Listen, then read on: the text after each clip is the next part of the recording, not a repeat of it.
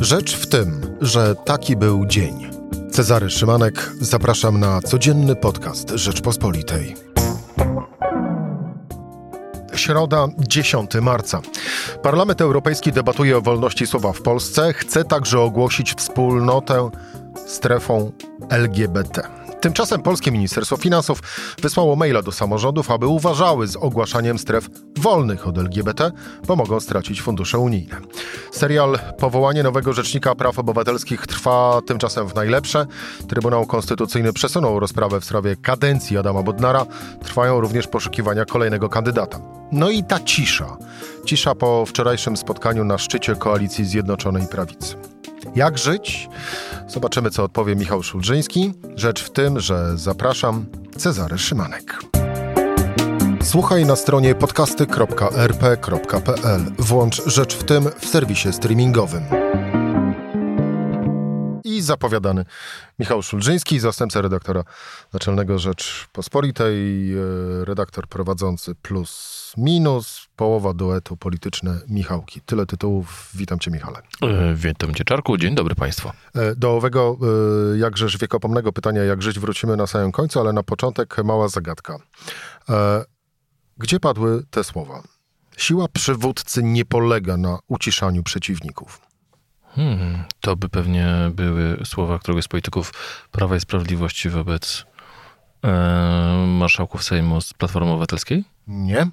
To początek dzisiejszej debaty w Parlamencie Europejskim, debaty o wolności słowa w Polsce, na Węgrzech i w Słowenii. Słowa wygłoszone przez wiceprzewodniczącą Komisji Europejskiej Werę Jurową, która zapowiedziała również, że w tym roku zostanie e, złożona inicjatywa, która ma na celu zwalczanie pozwów wymierzonych w dziennikarzy, pozwów, które mają zastraszyć z kolei dziennikarzy, by ci nie pisali o niewygodnych, szczególnie dla władzy, e, tematach. Dziwne czasy, skoro e, Parlament Europejski musi zajmować się tak wydawałoby się oczywistym tematem jak wolność słowa w państwach członkowskich. Dla mnie najsmutniejsze jest to, że Polska jest tutaj wymieniana na jednym oddechu z Węgrami, bo widzimy, co się stało z wolnością słowa na, na Węgrzech. Ona, ona praktycznie przestała istnieć ostatnio. E, zamknięto ostatni, mm, ostatni e, wolny e, klub radio.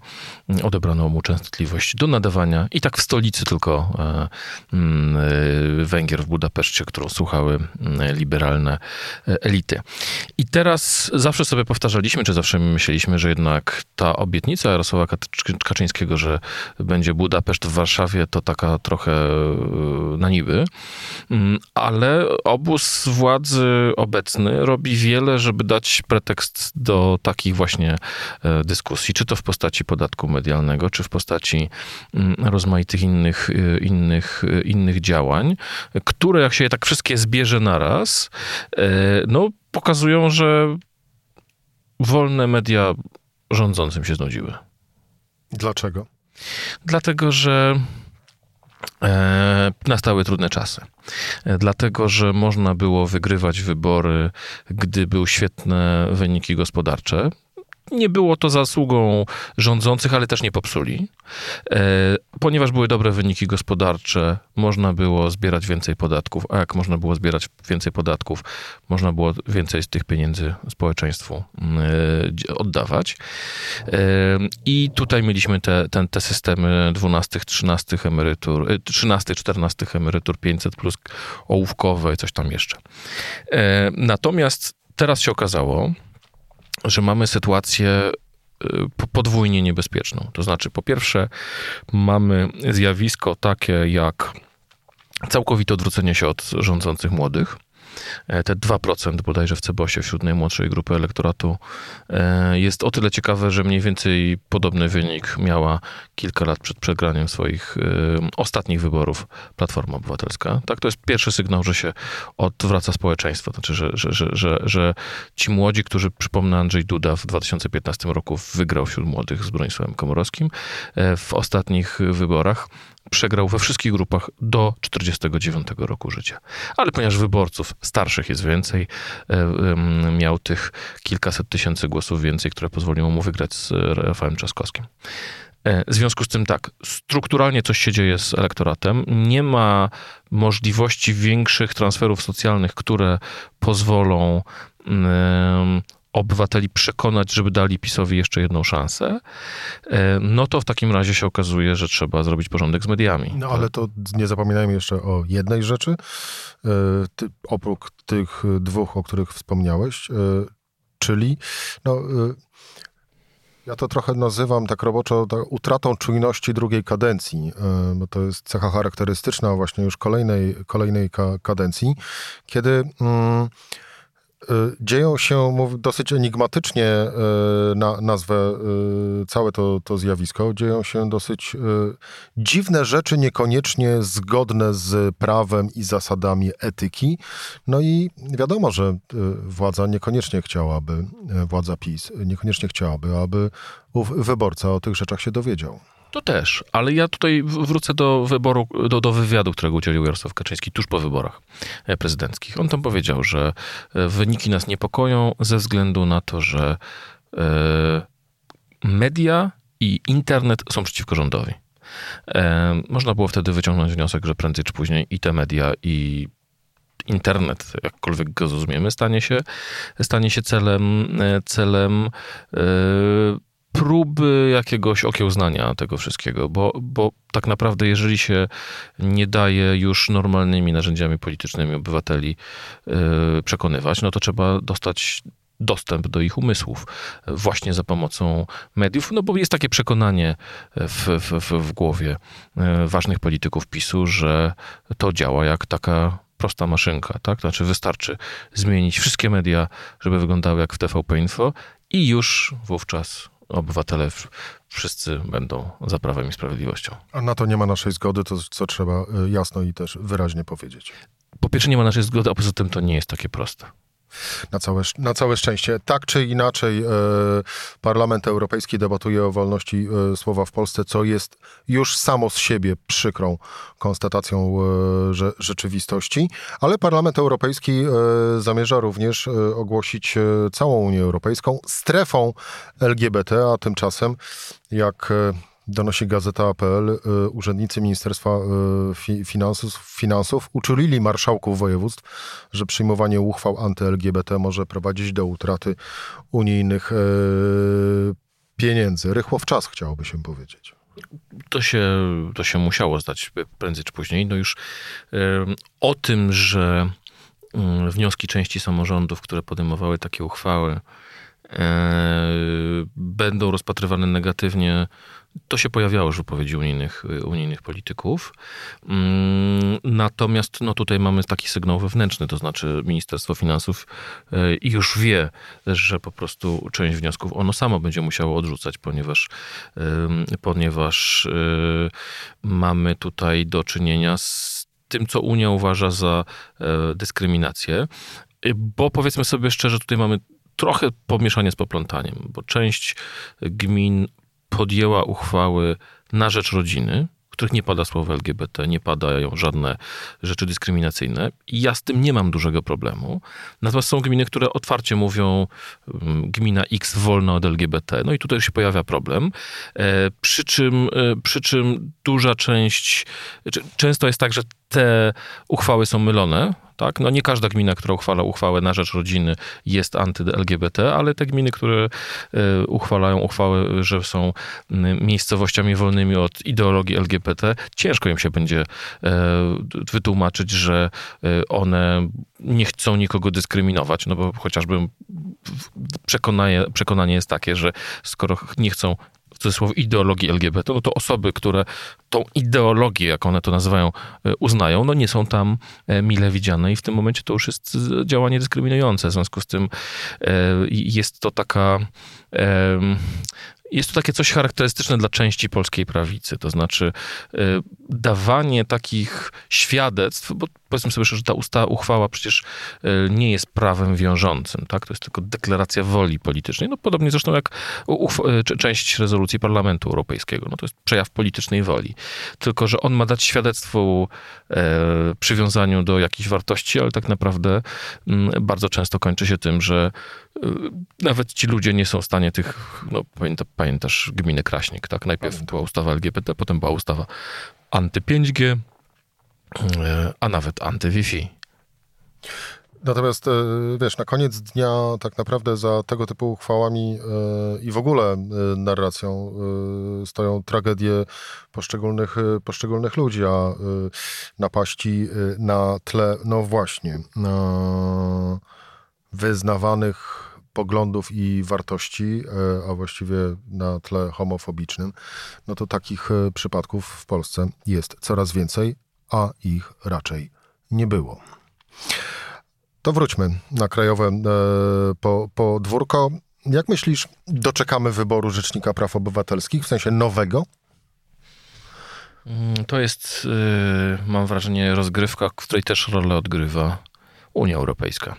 E, to znaczy sytuacja, w której gdy PiS jest nacenzurowanym chociażby z powodu zachowania policji wobec protestujących, e, właśnie wobec sytuacji mediów. Istnienie Urzędu Rzecznika Praw Obywatelskiego, mm, praw obywatelskich niezależnego od, od rządu, jest dla wielu organizacji międzynarodowych, czy, czy właśnie takich jak Unia Europejska, czy nawet zagranicznych naszych partnerów, podejrzewam, że e, wysyłają tutaj sygnały E, ważni nasi sojusznicy i ich przedstawiciele w Warszawie, jest takim sygnałem, że przynajmniej w Polsce istnieje e, instytucja, która sygnalizuje o pewnych problemach.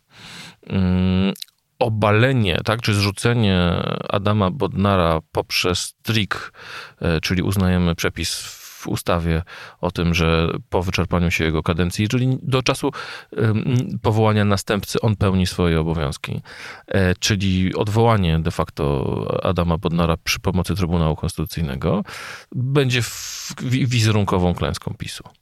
E, tak, no bo to będzie działanie jednoznaczne. Będzie oczywiście można mówić, że to y, miłość do konstytucji i tak dalej. Natomiast. No, trudno mi jednak wyobrazić sobie takie połączenie słów jak miłość do konstytucji no, w wykonaniu nie, Trybunału Konstytucyjnego. Jeżeli Trybunał miał decyzję ogłosić już ho, ho, ho, jak dawno, nie ogłosił. Ogłosił ją na dzisiaj ale, ale znowu przesunął. To znaczy, że skoro ogłaszał, że tego dnia wyrok wygłosi, to znaczy, że sprawa jest już rozstrzygnięta. A jeżeli nie jest rozstrzygnięta, to znaczy są wątpliwości natury nie konstytucyjnej, tylko są natury, wątpliwości natury stricte politycznej.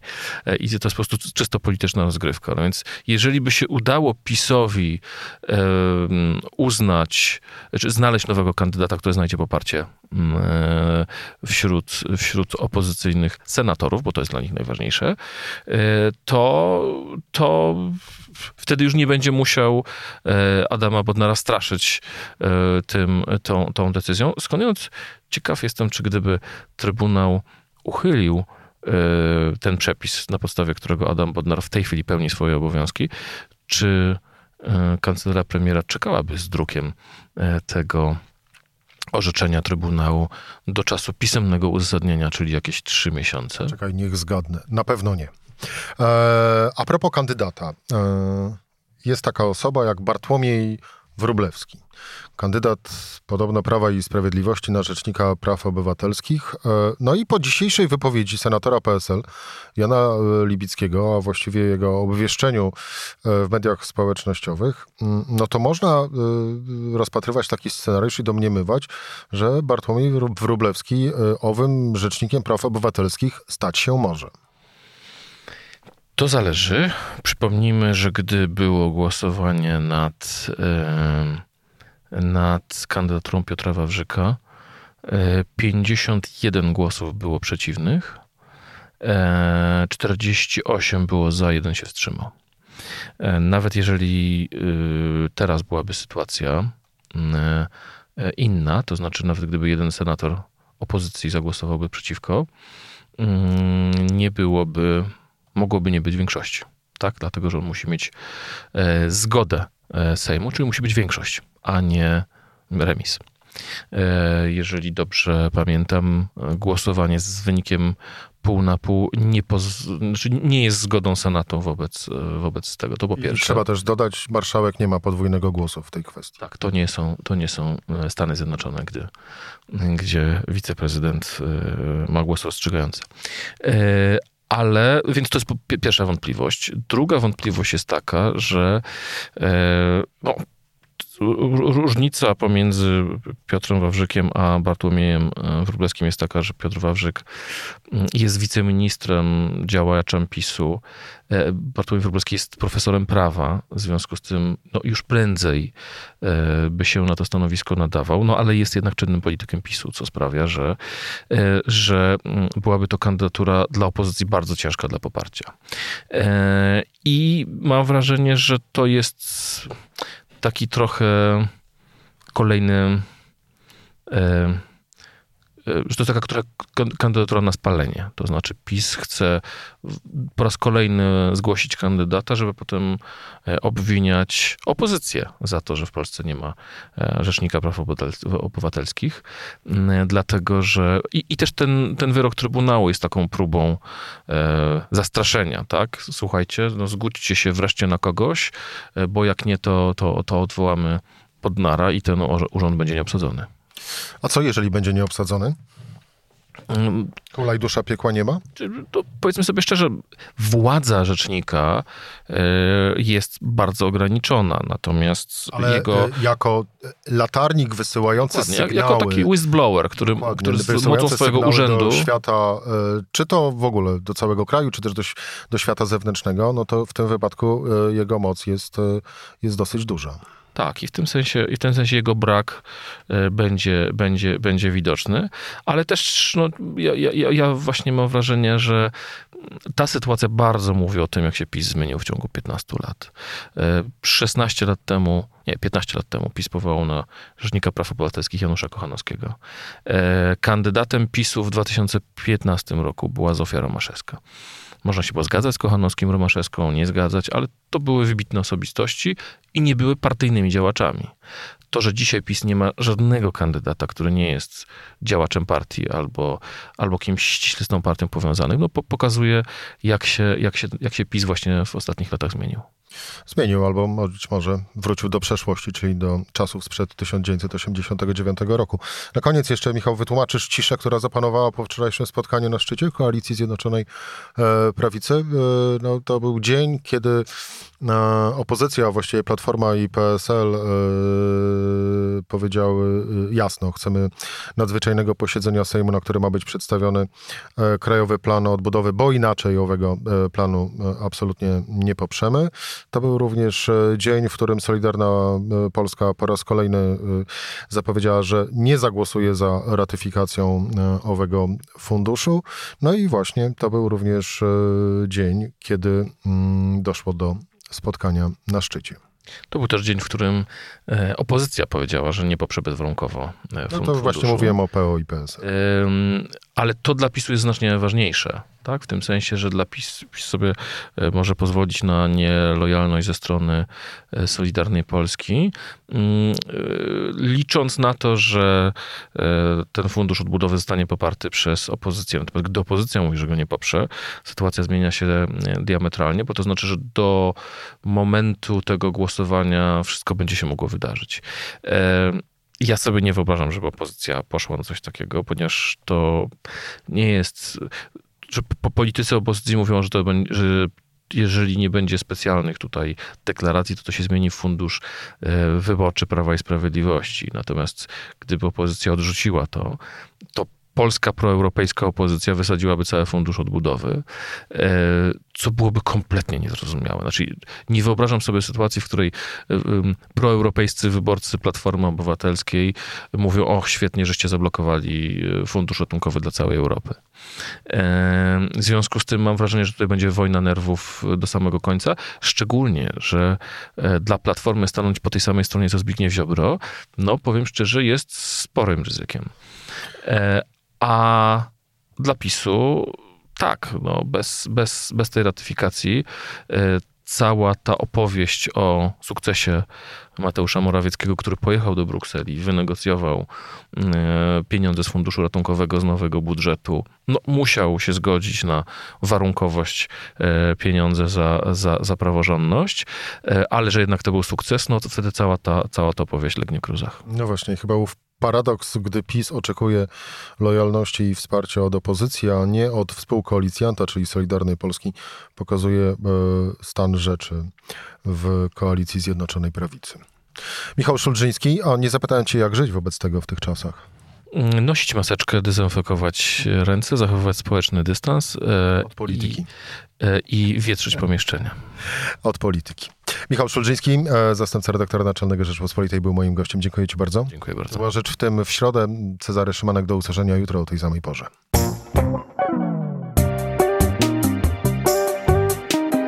Rzecz w tym to codzienny program Rzeczpospolitej. Od poniedziałku do czwartku o godzinie 17. Słuchaj na stronie podcasty.rp.pl. Włącz Rzecz w tym w serwisie streamingowym.